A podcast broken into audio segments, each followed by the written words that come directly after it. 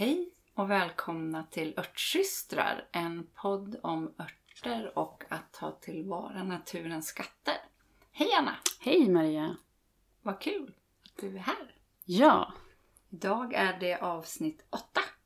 precis. Och det börjar bli slutet av juli. Ja, gud vad tiden går.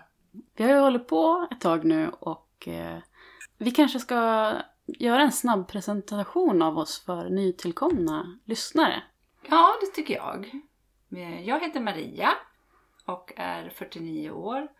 Bor i Uppsala och lite i Kramfors kan man väl säga.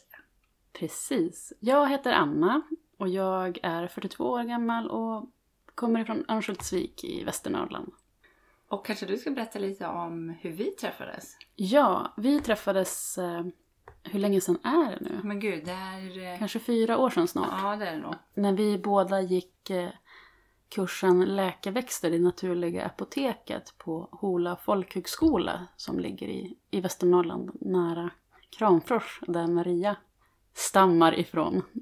Ja, vi gick den kursen tillsammans och sen efter det så var vi ett gäng från den kursen, eh, fem stycken, som Mm. gärna lära oss vidare. Så vi, vi fortsatte tillsammans och bildade som en, en studiegrupp och, och gick Rosemary Gladstars digitala örtkurs The Science and Art of Herbalism tillsammans under ett fantastiskt år som sammanföll med coronaepidemins början. Och det var, var ju fantastiskt att ha det under den perioden och vi, vi fem zoomade med varandra varje vecka. Jaha, vi tillbringar pandemin tillsammans. Så helt ett life saving. Mm, verkligen.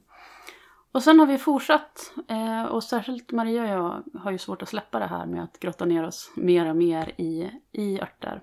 Och eh, vi märker ju att det finns ett eh, enormt intresse för örter.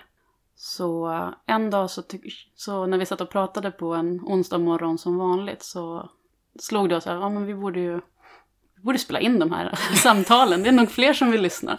Precis. Och här är vi nu. Mm. Och vi håller ju på med en, en liten serie här i juli som handlar om de, de fem grundstenarna för att lära känna en ört på djupet. Mm. Och idag har vi kommit eh, till den grundstenen som vi har valt att kalla studera örten. Eh, och eh, vi tänkte prata lite grann om hur vi har gjort för att verkligen liksom lära oss eller få kunskapen på något vis lagrad. Eh, vi tycker att det absolut bästa sättet att göra det är att göra det som vi kallar örtkort. Och det började vi redan med på utbildningen. Mm. Eh, Och det är ett fenomenalt sätt att göra ört, alltså lära sig örten, lära sig om örten på det sättet som du tycker är viktigt. Eller vad du tycker är viktigt om örten. Precis, och när vi säger studera örten, bara för att förtydliga, så menar vi att samla kunskap om örten, att, att läsa om örten i örtböcker och sammanställa eh, dina egna erfarenheter om örten i ett örtkort. En annan av grundstenarna som vi redan har pratat om är ju att studera örten mer ute i naturen. Så Ja, det är inte, det är inte ja. samma sak. Jag tänker bara om någon blir, blir förvirrad, utan att visst, det här handlar om att Plugga örten. plugga örten, precis. Helt enkelt. Och eh, örtkort, det kan ju låta lite sådär, vad är det? Om du aldrig har sett det någon gång. Men vi kommer att visa upp några exempel på våra respektive Instagram. Lite grann om Ja, nu under, under veckan. hur det kan se ut. Men Anna, kan inte du börja berätta lite grann om hur du tar dig an en ört? Ja, eller om vi först bara ska förklara vad, ungefär vad ett, ett örtkort är. Ja, ett örtkort är ju... Det kan faktiskt vara en örtsida i en bok, i ett kollegieblock. Det behöver liksom inte vara ett kort. Men tanken är att du ska... Forska låter ju lite, men studera. Plugga örten i flera olika källor så att du får olika infallsvinklar. Olika eh, herbalister eller folk som har skrivit om örten. Eh, lite grann vad du själv tycker om örten och hur du upplever den. Vad den kan användas till, både inom hälsa eller matlagning. För mig har det varit ganska intressant att titta på historiskt hur man har använt den bakåt i tiden och kanske andra delar av världen. Och sen så sammanfattar man det där till en text som är liksom hanterbar. Jag har valt att spara det på A5 kort. Men jag har också i en bok. Det är lite olika. Mm. Och vi, det där, när, första gången jag gjorde det var just i samband, vi hade det som uppgift på läkeväxterkursen. Och jag tyckte att det var, det var lite svårt i början och jag förstod inte, inte riktigt hur man skulle göra, hur man, man skulle tänka. För det som är, är just att det finns inget facit vilka rubriker du ska ha, ha med. Men finns det några som man absolut ska ha med? Jo, men en som jag tycker att man absolut alltid ska ha med oavsett vad man har för fokus och vad man väljer. Det är ju det här med försiktighet. Om det är om örten ska undvikas vid några specifika åkommor. Mm. Sen namnet och latinska namnet är ju Ja, bra jag att ha. Jag tycker att det ändå är ganska viktigt för att det botaniska namnet är ju ändå en sak som gör att det kan skilja, att du kan, ja, det tycker jag ändå. Det är en viktig del. Mm. Och särskilt om du, skulle, om du ska köpa en ört som du inte känner, om det är en lite mer exotisk ört som du inte känner till som inte växer här. Då när du beställer den, då, då vill du kunna säkerställa att det verkligen är den ört som du vill beställa. Och det säkerställer man ju genom att dubbelkolla att de har angett korrekt latinskt namn på Ja. örten. Ja, jag tycker att eh, jag kan inte säga vilka rubriker jag brukar Mm. med. Jag brukar ha det svenska namnet och det botaniska namnet och så brukar jag ha med den botaniska familjen. Sen brukar jag ha lite grann växtplats, var det, var det växer någonstans. Sen har jag med liksom en liten kort rubrik med användning, lite sådär snabbt. Sen har jag med de verksamma ämnena och sen djupdyker jag lite i användningsområden, vilka verkningar den har. Sen tar jag nog också med en liten rad om egna erfarenheter. Och sen brukar jag ta med lite sådär, eh, det är lite mer kul, sådär historiskt. Och sen många gånger också mat, alltså i köket har jag som sista rubrik. Och så varning, eller så försiktighet är jag också med. Precis. När jag började då följde jag nog mest bara den, den lilla mall som vi fick. Och jag minns att jag tyckte att det var, det var klurigt det här med att hur man skulle utforma det, om, om att göra handskrivet eller digitalt. Och fördelen med att göra det digitalt är ju att det är lätt att lägga till och ändra i efterhand. Och om man som jag inte skriver jätteprydligt så blir det liksom mer tidseffektivt. Eh, det som var bra på kursen det var ju att vi var ju faktiskt tvungna att rita av Mm. växten. Det kom vi inte undan, Nej. även om man tyckte att man var jättedålig på att rita. Och, och det, alltså, jag tycker inte att jag, det är liksom ingen grej för mig att jag är dålig på att rita. Det är mest bara att jag ritar inte. det är liksom, det är ingenting som jag, som jag gör. Så det var ju en utmaning. Men det jag gjorde var att när jag skulle göra det, då tog jag, om jag inte kunde se örten färsk, eller även om jag kunde se örten färsk, så tog jag även hjälp av en flora. Mm. För de bilderna är ju väldigt bra och kan man inte rita så är det ett lätt sätt att liksom ändå försöka rita av örten. Och det som är så himla bra med det är ju att man, man verkligen ser den, man verkligen förstår hur den ser ut. Så det är en jättebra övning för att lära sig lära känna örter och identifiera örter som man inte kan, som man inte har koll på Ja, sen innan. ett supersätt. Men eh, så jag, så jag gjorde liksom en eh, digital, att jag skrev på datorn och sen så printade jag ut och klistrade på den där eh, evinnerliga bilden som skulle, Mm. skulle vara, vara där. Men sen så efter halva kursen så fick jag en hjärnskakning som gjorde att jag inte kunde jag kunde inte sitta vid skärmar under flera månaders tid. Och det var faktiskt, det var väldigt, i slutändan väldigt, väldigt bra för min utveckling. För att det som händer när man sitter och skriver det digitalt och så kollar man upp tre källor då som man helst ska göra. Man ska ta, plocka information från tre olika böcker. Det är ju att det, det blir så mycket. Och, och så har man alla rubriker som man vill fylla i. Att till slut så, så sväller det ju. Och det är så svårt, och särskilt som nybörjare, att, att, skru, att sovra och, och ta bort. Så det jag var tvungen att göra då var att gå över till att handskriva dem. Och då hade jag en, ett, en liten anteckningsbok där jag hade ett uppslag för varje ört och så ritade jag direkt i den boken och så skrev jag.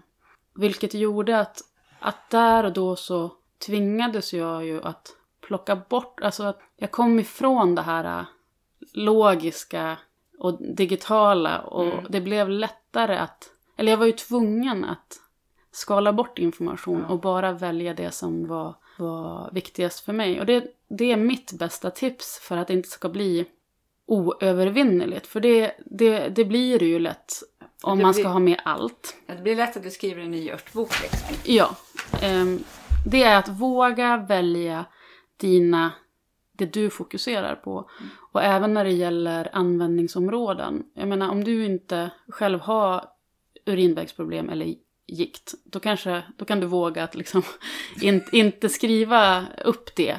För att den kunskapen, det, bara för att du inte har med dig ditt örtkort så försvinner ju inte den kunskapen. Utan när du fortsätter använda örten och dela erfarenhet med andra så kommer de där, de uppgifterna kommer att komma till senare om du behöver dem. Så, så våga, våga välja bort för att om vi väljer bort då är det lättare att den kunskapen som vi har valt att skriva ner, att den fastnar, att den blir internaliserad, att, att den blir lättillgänglig inom oss.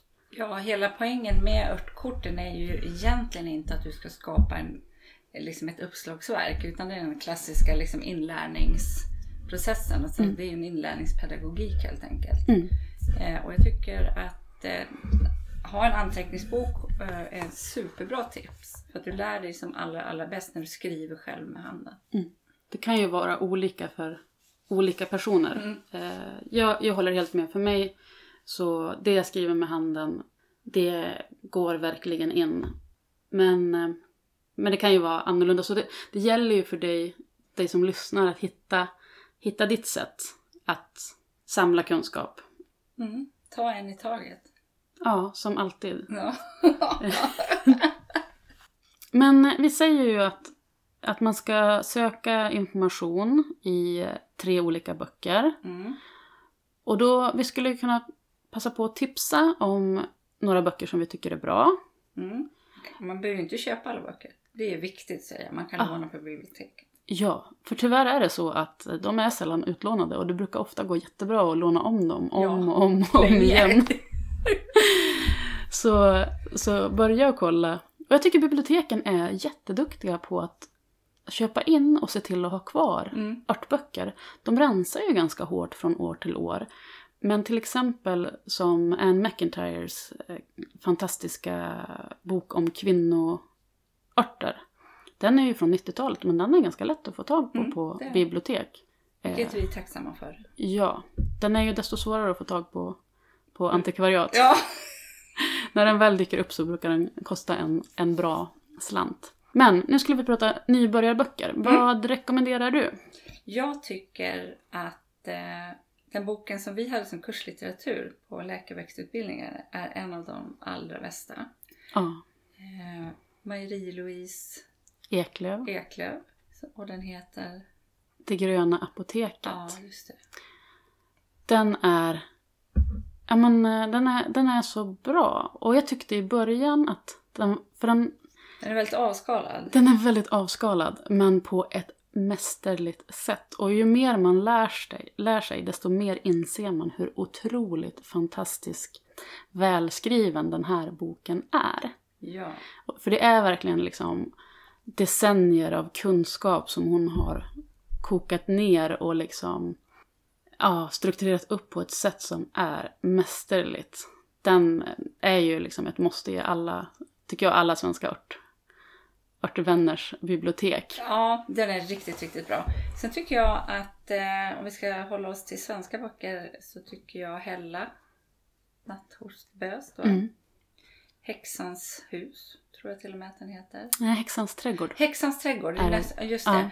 Häxans trädgård, den tycker jag också är en bra för den är otroligt väl ehm, välforskad, jag Ja. säga. Jättebra bok. Mm. Och den har ju mer, det är mer fokus på historisk användning av örter. Men sen ute i marginalen så har hon ju jättefina faktarutor Mm. om, om verkningar och Verksamma ämnen. verksamma ämnen. Så, som är, ja men det är jättebra. En, även den liksom väldigt välstrukturerad. Och både, både henne, i hennes bok och även i Marie-Louise bok så ingår det ju även avsnitt med instruktioner om hur man gör de, här enklaste, de här basala örtberedningarna. ja.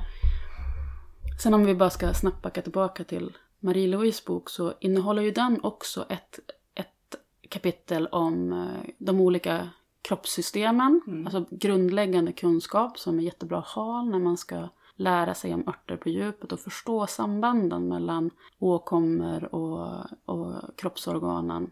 Och sen så har hon ju också en, ett avsnitt med förslag på hur man kan använda örter för många olika vanliga förekommande krämpor. Mm. Ehm, så jätte, jätte, jättebra. Två jättebra böcker. Mm.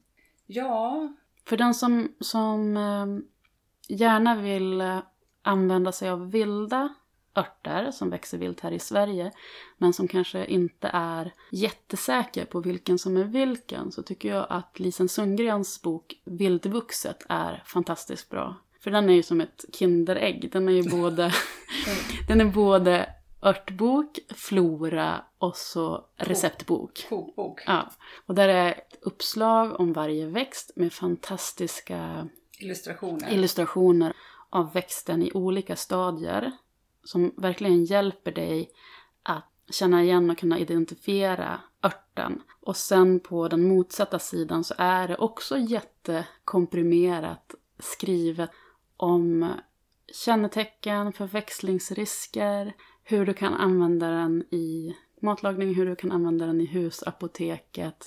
Ja, men lite roliga fakta. Jag förstår liksom inte hur hon lyckas få in så himla mycket om varje ört på en enda sida. Nej, men den, är, underbar. Ja, så makalös. Och så är den ju grymt snygg också.